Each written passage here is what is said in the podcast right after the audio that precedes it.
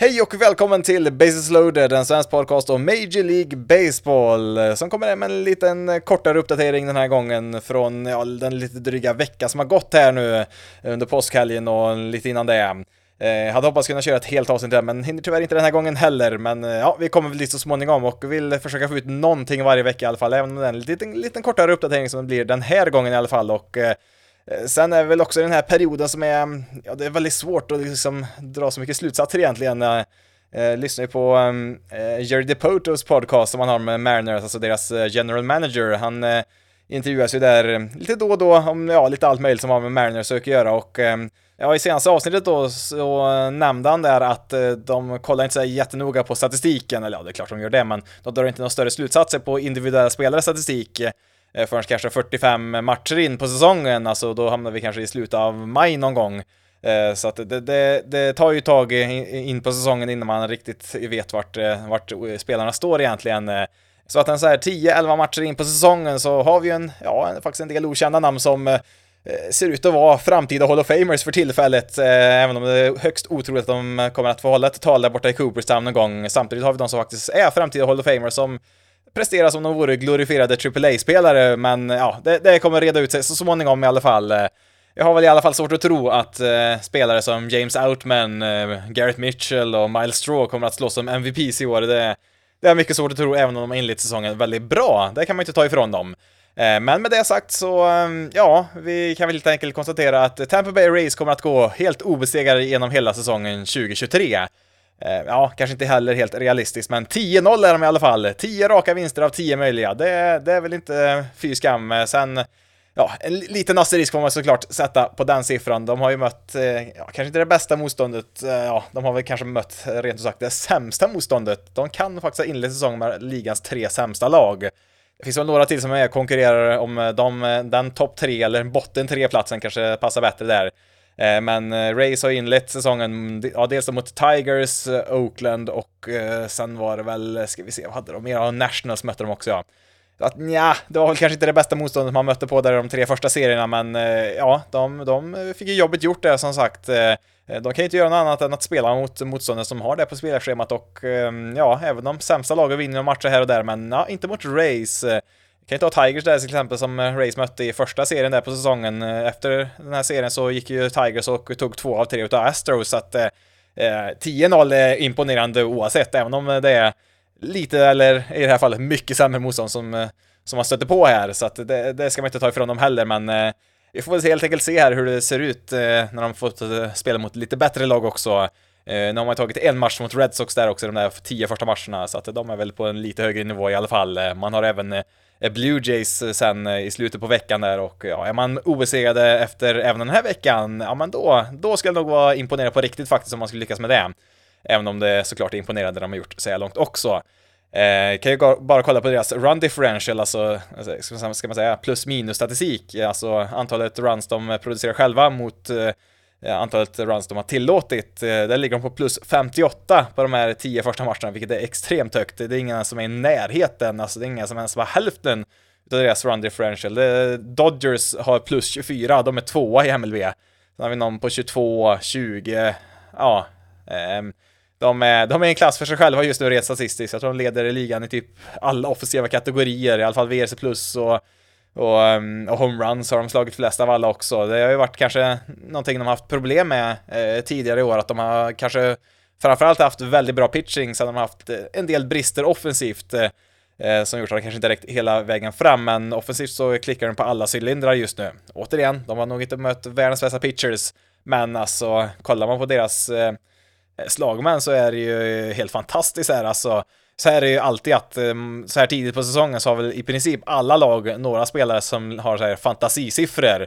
Men eh, i stort sett varenda slag man har ju det i Tampa just nu. Det är, ja, utav de 12 spelarna som ehm, har i alla fall 20 plate appearances, eh, som sagt, väldigt, väldigt lite att gå på, men eh, det, det är vad vi har.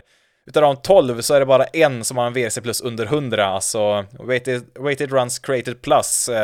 Ehm, det är ju, har man en siffra som är 100, då slår man ungefär som en genomsnittlig Eh, slagman i MLB. Eh, är man under så är man sämre, över då är man bättre. Alltså 90, då är man 10% sämre än snittet. Eh, 110, då är man 10% bättre än snittet. Bara en dag som sagt ligger under 100, ganska rejält i och för sig då, men det är Christian Bethencourt, deras catchers, och ja, det gör väl inte, gör väl inte så jättemycket när de 11 andra ligger på allt från All-Star till peak Mike Trout-nivå. Alltså återigen, vid den här tiden på säsongen så har man alltid någon eller några spelare som ligger så här extremt högt med en VS plus på uppemot en 200. Eh, I Tampa de har, ska vi se, det är en, två, tre, fyra stycken över 200 och sen har vi några som ligger strax under också. Det är, ja men det är väl fullt godkänt ändå, får man väl ändå påstå. Eh, ja men nu ser jag, Manuel Margot har ju bara en VRC plus på 109. Det här passar ju inte in här, det, det här funkar inte. AAA med honom eh, direkt, eller DFA kanske till och med.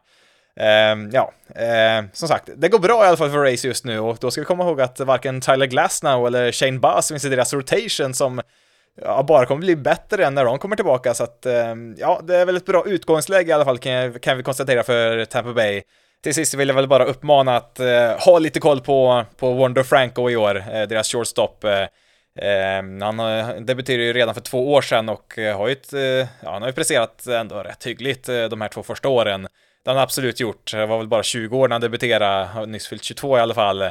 Och nu tror jag nog att det kanske är dags nu att eh, bryta ut rejält här och eh, ta klivet in som en av ligans stora superstjärnor. Det har ju onekligen sett bra ut inledningsvis, vilket det i och för sig har gjort för stort sett hela laget då, men eh, alltså så mycket som skrivits om eh, Franco inför hans MLB-debut. Eh, det var väl det bästa prospekten någon någonsin sett i princip det här och eh, ett lag som Race ger ju inte ut ett eh, 180 miljoners kontrakt hur som helst med tanke på hur snåla de är i vanliga fall, vilket de gjorde till eh, Franco förra året, ett 11-årskontrakt. Det eh, var väl även ett optionsår där tror jag för ett 12 år också, men ja, förväntningarna är ju enorma på honom här och som sagt, jag tror 2023 kanske är året som man kliver in bland de riktigt stora här, så att ha, ha lite koll på Wonder Franco här i, i Tampa under året. Det, det kan, bli en, kan bli en väldigt intressant resa det här.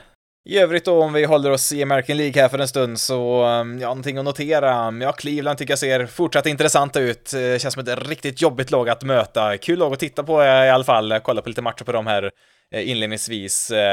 Även Twins är jag lite imponerad av faktiskt. Deras rotation är, mm, ja den är, ja den är väl kanske inte bäst, det ska jag inte påstå. Det vore väl en grov överdrift i så fall. Eh, men eh, det som jag tror är underskattat är att de har fem stabila starting pitchers, alltså de har väl kanske inget eh, riktigt äkta ace, alltså de har ingen Alcantara eller någon Verlander eller Scherzer här, men de har ändå fem stycken starters som ja men en bra säsong är din andra eller tredje bästa pitcher kanske i en normal MLB-rotation.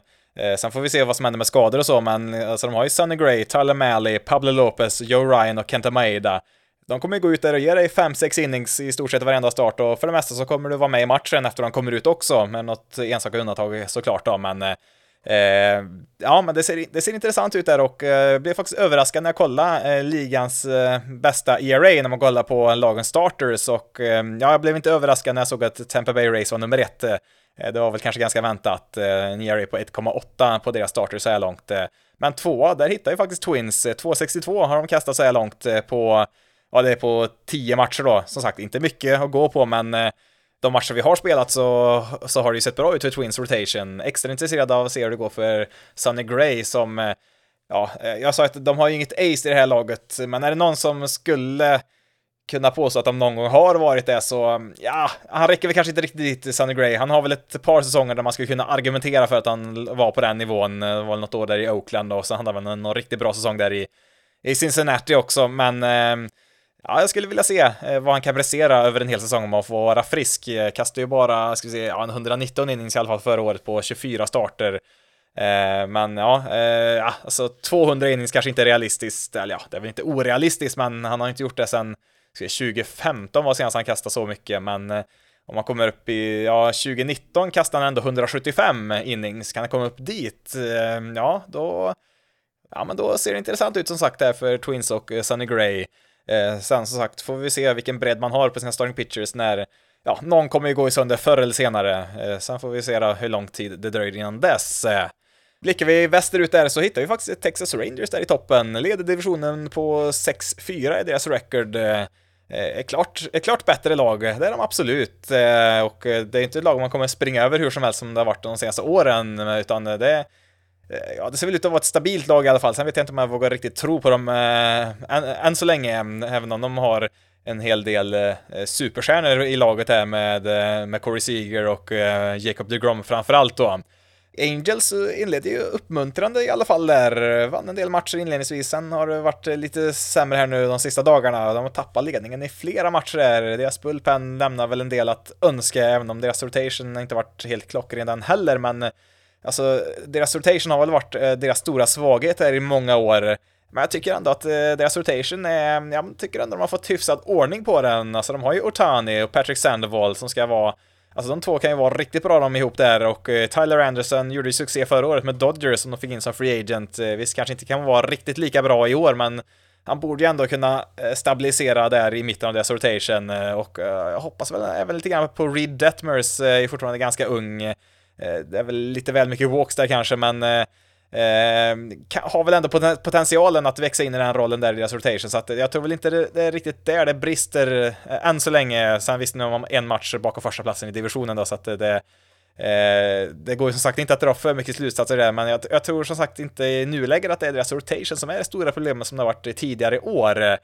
Offensivt är det som vanligt, ehm, ja, Trout och Tane gör sin grej och eh, ja, de har varit riktigt bra inledningsvis och fått hjälp av Hunter Renfro här. Det har varit en liten överraskning så här långt. Eh, eh, slagit iväg ett gäng homeruns här och Georg som också fick in via trade från Twins under vintern. Han har sett riktigt bra ut så här långt och Logan och Hopp är också kul att se. Eh, han skulle ju, jag tror inte han skulle varit med på deras opening day roster, men sen gick ju Max Stassi och blev skadad, så att de behövde en catcher och eh, då hoppade ju och in där och eh, han har ju varit riktigt, riktigt bra han också faktiskt. 23 år bara, kom ju via trade förra året där vid trade deadlinen när Brandon Marsh skickades till, till Phillies.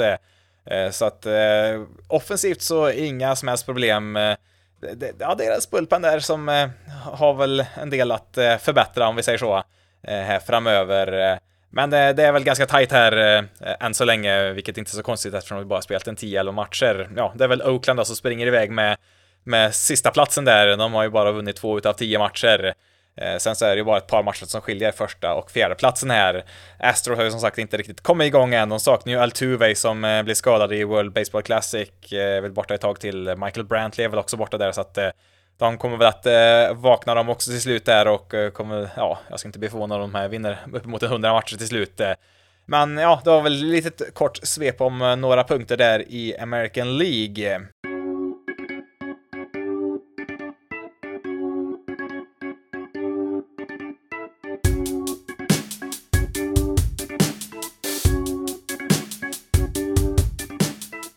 Om vi också då kikar på den västra sidan i National League så hittar vi faktiskt ett eh, Arizona Diamondbacks högst upp i tabellen där. Eh, ja, visserligen bara en match för tvåan och trean Dodgers och Padres, men eh, ja, de har faktiskt ställt till lite grann för Dodgers här som de mött en del matcher här nu inledningsvis.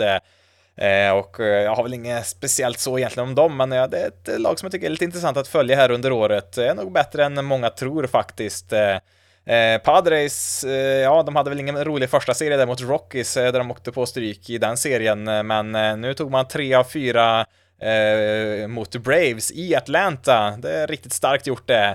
Eh, har för övrigt ett riktigt tufft schema här nu ett tag framöver för att nu går de från att möta eh, Braves då i fyra matcher till att eh, ha eh, tre mot eh, Mets och fyra mot Brewers som varit riktigt bra här inledningsvis. Sen så kommer Braves på besök i San Diego och sen så kommer just Eh, Eh, divisionsledande Diamondbacks eh, på besök också där för en fyra matchers serie, så att det är Ja, det är lite småtufft där i april för, för Padres faktiskt, det får man faktiskt säga. Det ser väl Ja, jag kollar nu på maj månad. Det var ett betydligt lättare spelschema med ja, Reds, Nationals, Royals bland annat. Eh, så att ja, det jämnar väl ut sig till slut. Men ja, Padres blir väl kul att se här vad som händer. Ja, det är väl nästa vecka. Då kommer ju Tatis tillbaka efter sin avstängning. Han är ju i AAA nu på rehab-stint eh, nu som man egentligen har för skadade spelare, men även om man är avstängd så får man väl börja, man får väl börja ja, komma igång lite i matchspel innan avstängningen är eh, är avtjänad då, så att eh, ja, snart ska man då klämma in Tatis i den där line-upen där. Man kommer inte vara på shortstop där, där har man ju Bogarts numera och han kommer nog inte vara i centerfield heller. Det är nog, jag skulle visa att han hamnar i right field där för Padres och han har väl en del att, ja, han har väl en del förtroende att eh, jobba tillbaka där efter att han ställt till med eh, förra året där med dopningsavstängningen. Så att eh, det blir intressant att se vilken, eh, vilken Tatis vi får tillbaka här. Jag tror som sagt att det är nästa vecka ska vi se här. Jo, precis. Den 20 kommer han tillbaka, eller ja, han får komma tillbaka då. Eh, torsdag nästa vecka. Eh, det är första matchen utav fyra i en serie mot Diamondbacks där på, ja den var på bortaplan den. Kan väl gissa att det blir ett och annat burop där från hemmapubliken när han kommer på att slå där. Det är väl inga högoddsare på det direkt. Eh. I Central så hittar vi faktiskt Milwaukee Brewers i toppen, vilket kanske inte är chockerande på något sätt, men de har ändå gått 7-3 här de första tio matcherna. Och framförallt har de väl imponerat en del offensivt, eh, i alla fall en vissa spelare.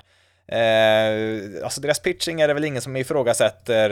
Eh, om vi pratar om att Twins hade en rotation med, eh, som genomgående var rätt hygglig så har ju eh, Brewers en rotation med en två, tre pitchers så kan fronta vilken rotation som helst i MLB.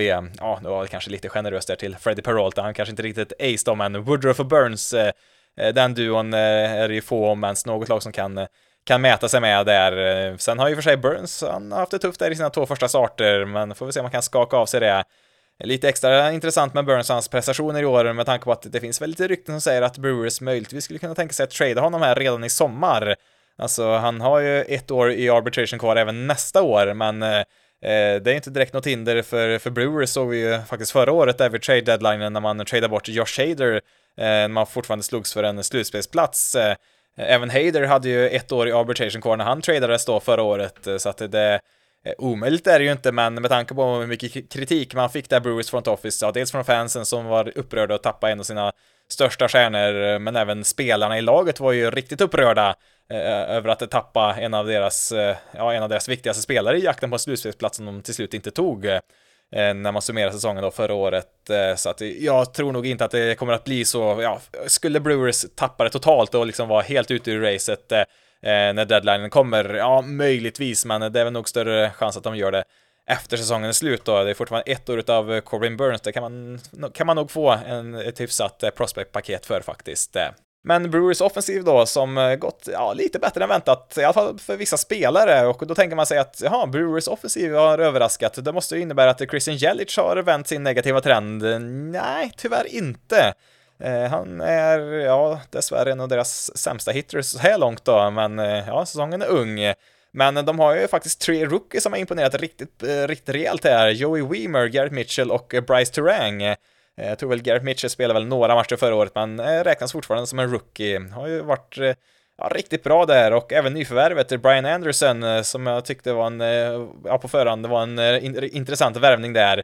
Har, har slagit riktigt bra för dem där, men Ja, framförallt när, när det gäller deras tre rookies där får man väl eh, tänka också att eh, det är väldigt tidigt i deras MLB-karriär och eh, ja, får eh, liksom eh, kompetenta scouter och eh, MLB-pitchers lite tid att eh, analysera lite, lite filmklipp eh, på deras svingar och eh, vad deras styrkor och svagheter är så kommer man nog att utmana dem på ett sätt som de inte har upplevt än så länge på den här nivån. Det är ju inte helt ovanligt att man ser en ny spelare komma upp och kanske har någon vecka eller två där de ser riktigt, riktigt bra ut Eh, sen man får lite tid att studera dem där, hur man ska attackera dem som pitchers så ja, då ser de helt plötsligt väldigt vilsna ut. Så att eh, det blir väl utmaningen här den närmaste tiden för de här tre att eh, eh hantera hur olika pitchers eh, anpassar sig till, till deras spel då och eh, så får ju de i sin tur att göra sina anpassningar där och eh, det är väl där som en del faller bort och att de de är riktigt bra på sin grej, men eh, sen har de svagheter som eh, MLB-pitchers är experter på att utnyttja, som de kanske inte riktigt kan hantera och som sagt, det är just där många eh, minor League-spelare som såg så bra ut för en kort stund faller bort sen. ett klockrent exempel är väl Aristides Aquino, kommer ihåg för några år sedan med Cincinnati, slog väl något homerun-rekord för rookies där tidigt. Han är väl numera i jag vet inte om det var Japan eller Sydkorea han flyttade till och spelade i. Det, det gick ju inte så bra efter den här första riktigt heta månaden, så att eh, Ja, vi får se som sagt eh, hur det går för de här tre om, om de klarar av det. Austin Riley är ett annat exempel som eh, det vänder tillbaka till. Han var ju hur bra som helst hans första, ja, första månad i MLB. Sen var han totalt värdelös ett tag och ja, nu är han tillbaka och är en av ligans bättre offensiva spelare. Så att det kan ju svänga lite fram och tillbaka där, det där också tidigt i sin MLB-karriär. Det är inte så att man ser den färdiga produkten när man kommer upp där från AAA. Men ja, som sagt, eh, det, det finns en del positiva tecken här tidigt på säsongen för Brewers i alla fall på på, på den offensiva sidan. Pirates har ju annars varit, eh, ja fram till helgen i alla fall, en eh, ganska rolig story så här långt. Jag har ju spelat, eh, ja över förväntan i alla fall. Brian Reynolds har varit riktigt het där. Det var lite drama med honom i vintras här när han eh, krävde att eh, få bli tradad ifrån laget eftersom de inte erbjöd honom något eh, Eh, något kontrakt. Eh, sen, eh, ja, sen var det lite tyst om det där och det ska väl finnas ett kontrakt som man nästan var överens om. Det var väl några detaljer kvar där, men ja, även om Reynolds inte är helt nöjd med tillvaron i Pittsburgh så mm, har han ju onekligen eh, lagt det åt sidan när han är på planen i alla fall, för han har varit en av ligans bästa spelare så här långt i år. Lite tråkigare då med O'Neill Cruz, deras shortstop, som man hade höga förväntningar på inför året här. Eh, som ja, delvis imponerat eh, offensivt i år. Han hade ju enorma problem med strikeouts framförallt förra året. Eh, Strike ut 30, ja nästan 35 procent av gångerna förra året, vilket är en väldigt, väldigt hög siffra. Det är, det är Joey Gallo-siffror om vi säger så. Eh, men nu så här långt i år så har han bara uppe på 20%. Det är en väldigt, väldigt bra siffra, så att hade han kunnat hålla i den så hade den här säsongen nog kunnat se väldigt intressant ut eh, för hans del offensivt, för han är ju riktigt bra defensivt, han är ju jättesnabb, han kastar hur hårt som helst där från shortstop, så att eh, han är ju lite grann ett fysiskt fenomen där, alltså han är ju Aaron Judge på shortstop i princip. Sen har han inte riktigt samma eh, vassa, vassa offensiva egenskaper riktigt än då i alla fall, som Aaron Judge har, men Kanske var på väg dit, men nu blev det en kollision där vid hemplattan. Eh, knepig situation där. Han bröt ju fotleden där, vristen. Eh, blev borta minst 10-12 veckor och ja, även när han är tillbaka så lär han väl inte vara 100% då heller. Ehm, och en del som jämförde lite grann med Ronald Acunias skada för ett par år sedan som visserligen var eh, ännu värre då. Han drog ju korsband i knät, det är ju en ännu eh, värre skada såklart, men eh, när man får sådana här riktigt rejäla skador i knän och ben och fötter och så, så det, det, är inte, man kommer inte tillbaka 100% direkt och det kan vara svårt att vara liksom, eh, riktigt eh, lika rapp i, i löpsteget och kanske inte våga riktigt köra 100% eh, när man kommer tillbaka sådär. Så att jag hoppas väl att eh, även om kanske det här blir lite av en förlorad säsong för O'Neill Cruz att han eh, framöver här kommer tillbaka eh, som den spelaren vi har sett honom delvis så här långt i hans MLB-karriär har ju bara spelat ja, en halv säsong förra året egentligen. Han gjorde väl någon match där 2021 också, men ja, det är tidigt i karriären i alla fall, men riktigt tråkigt. Det var som sagt väldigt knepig situation. Han, det såg väl ut som det skulle bli en, eh, ja, det skulle vara nära om han skulle vara ute där vid hemplattan eller inte, så att han började väl glida väldigt sent där så att det blev en väldigt skum, skum kollision där med catchen där, Savala i, i White Sox och tyvärr då så, ja, gick ju foten av där helt enkelt, eller fotleden då.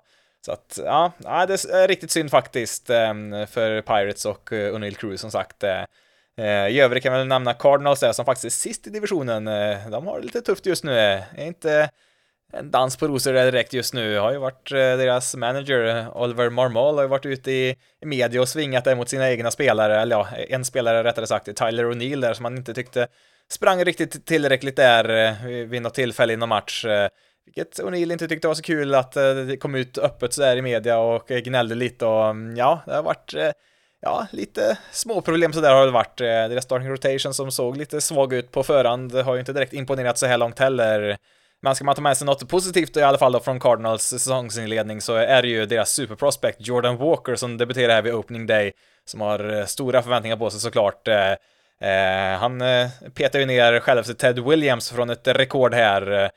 Williams inledde ju sin karriär med att ha en hit i sina nio första matcher Eh, när han debuterade för Red Sox en gång i tiden. Eh, spelade väl mest på 40-50-talet. Eh, men Walker, han har inlett sin karriär då med en hit i 10 raka matcher. Det här rekordet gäller väl då spelare som debuterade innan de var 21 år gamla också, ska väl tilläggas. Men det är, ja, det är riktigt imponerande. Ted Williams är väl Alltså ska vi bara prata rena hitters så är väl frågan om inte han är den absolut bästa i MLBs historia. Eh, ja, alltså visst, han har väl kanske inte riktigt eh, de bästa siffrorna i alla kategorier där, men eh, då får man ju tillägga att han kallades ju faktiskt in i, till flygvapnet i både andra världskriget och i Koreakriget där, så att han eh, tappar ju en, en hel del speltid där i sina bästa år. Han var väl till och med nedskjuten där i sitt plan eh, i Korea, men eh, tack och lov lyckades överleva det där, så att Ehm, Ehm, ja, det, det, är väl, eh, det går att diskutera vem som är den absolut bästa slagmannen någonsin, men eh, Ted Williams är absolut med där uppe i toppen och ja, nu har ju Jordan Walker då som sagt eh, passerat honom i just den här kategorin i alla fall. Ska vi jämt kika lite snabbt då på, ehm, på National League East där också och notera att Marlins regerande Cy Young-vinnare Sandy Alcantara hade en riktigt brutal match här igår. Eh, han, eh, ja, han inledde väl inte jätteimponerande i första matchen där vid opening day, men ja, det kan man tänka. Första matchen då. Det, det, lite ringrostig och så, det, det är väl inte hela världen. Eh, för sen eh, match två, där gick han in och kastade en eh, complete game shutout, så att eh, det tänkte man att ja, eh, han, han är tillbaka, det är ingen fara med, med Alcantara, men igår här så ja, Phillies eh, jagade ut honom redan efter fyra innings. Nio runs tillät han. Mm, nej, det hade man inte räknat med riktigt. Även om Phillies har en bra offensiv, det har de väl. Även utan Harper och Hoskins så kan vi fortfarande göra en del skada uppenbarligen. Men nej, det hade man inte riktigt räknat med. Kolla faktiskt, han har en sämre start i karriären, Alcantara. För ett par år sedan här till att han faktiskt 10 runs igång, men eh, ja, nej, det var oväntat faktiskt. Eh, och ja, på tal om Phillies så har väl inte de eh, varit eh, speciellt briljanta de heller för den delen, ja, förutom just igår då mot Alcantara. Eh, har ju, ehm, ja, eh, det är tidigt än så länge, men eh, det har inte sett jättebra ut eh, på sina håll, kan jag inte direkt eh, påstå. Och visst, man saknar ju Harper fram till, ja, All-Star-uppehållet, kanske där någonstans. Förhoppningsvis kanske lite innan kommer han tillbaka där och Hoskins, eh, ja, det gör lite grann att de saknar honom där också. Tog man in Derek Hall som hade Ja, han hade ju en eh, riktigt bra debut förra året där, men även han är skadad nu så att det, man får testa bredden tidigt här i Phillies. Eh. Eh, fick ju kalla upp eh, Cody Clemens som, eh, han var ju inte ens ordinarie i Tigers förra året, så han har fått peta in här och där. Sen visst, de har ju fått bra bidrag från ja, framförallt Alec Bohm och Bryson Stott. Det är väl extra intressant att se att han har börjat Eh, producera. Han hade väl ingen jättebra säsong förra året där, men tog sig, ja, det tog sig väl lite grann där mot slutet och kanske kan bli en viktig spelare här i Phillies eh, under många år framöver. Det är väl förhoppningen i alla fall, men ja, det, det är lite trögt här inledningsvis. Jag skulle väl inte säga att det är någon paniksituation på något sätt, men eh, jag man måste nog höja sig någon nivå till här, för man behöver ju hålla sig någorlunda nära Mets och Braves här i tabellen fram tills Harper kommer tillbaka, för när han är med då ja, är man med, har man känning på de här lagen då så, ja, men då har man väl ett hyggligt utgångsläge i alla fall. Sen får vi ha utkik på eh, deras pitchers, framförallt Wheeler och Nola där. Brukar ju vara ganska tufft för eh, en del starters som, eh, som går hela vägen till World Series. Eh, säsongen blir ju väldigt, väldigt mycket längre än vad man kanske är van med, framförallt om man har då kastat i ett lag som Phillies som inte varit i slutspel på hur länge som helst. En extra månad på säsongen, det gör ganska mycket och ja, slutspelsmatcher är ju ganska intensiva också så att det kan vara ganska tufft, i alla fall inledningsvis för starters att prestera tidigt på säsongen då efter att man har spelat ett långt slutspel. Så det är väl något att hålla utkik på där Eh, när det gäller Phillies. Eh, Braves då inledde ju väldigt bra, tog ju väntat serien mot Nationals där första helgen. Sen svepte man ju Cardinals tre raka matcher, tog första mot Padres, men sen så kom ju Padres tillbaka då och eh, som jag nämnde förut och tog de tre resterande matcherna där, kom lite tillbaka på jorden där gjorde man. Sen har man vunnit en match mot Reds här också under måndagen. Så att det är lite blandat här i Atlanta. Jag tycker väl mest det är positivt här.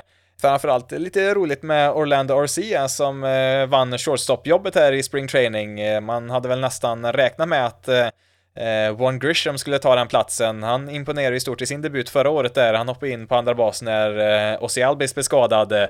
Jag spelade riktigt bra där inledningsvis, sen gick det väl lite sämre där mot slutet. Men man trodde väl att eh, Ron Washington där skulle jobba med, med Grisham där och eh, få han redo i tid för säsongen där att eh, hoppa in som shortstop där för Braves, men eh, ja, så blev det inte, utan eh, man valde Orlando RC istället och det var ju många som var väldigt eh, frågande till varför man valde honom och eh, ja, kan man säga, det, det där frågetecknet har ju rättats ut till ett utropstecken här nu tidigt på säsongen i alla fall, för RC har ju producerat riktigt bra för de här, både offensivt och defensivt, så att de vet väl vad de håller på med där i Braves front office, kan man väl lugnt säga. Sen också kul med Acuna, nämnde ju O'Neill Cruz skada förut, eh, Acuna var väl kanske inte riktigt helt hundra tillbaka förra året. Eh, han ryckte ju korsbandet. Eh, ja, det var ju World Series-året där 2021. Han var ju inte med där i slutspelet utan han eh, blev borta där eh, vid sommaren där eh, 2021 eh, och kom inte tillbaka då först förra året.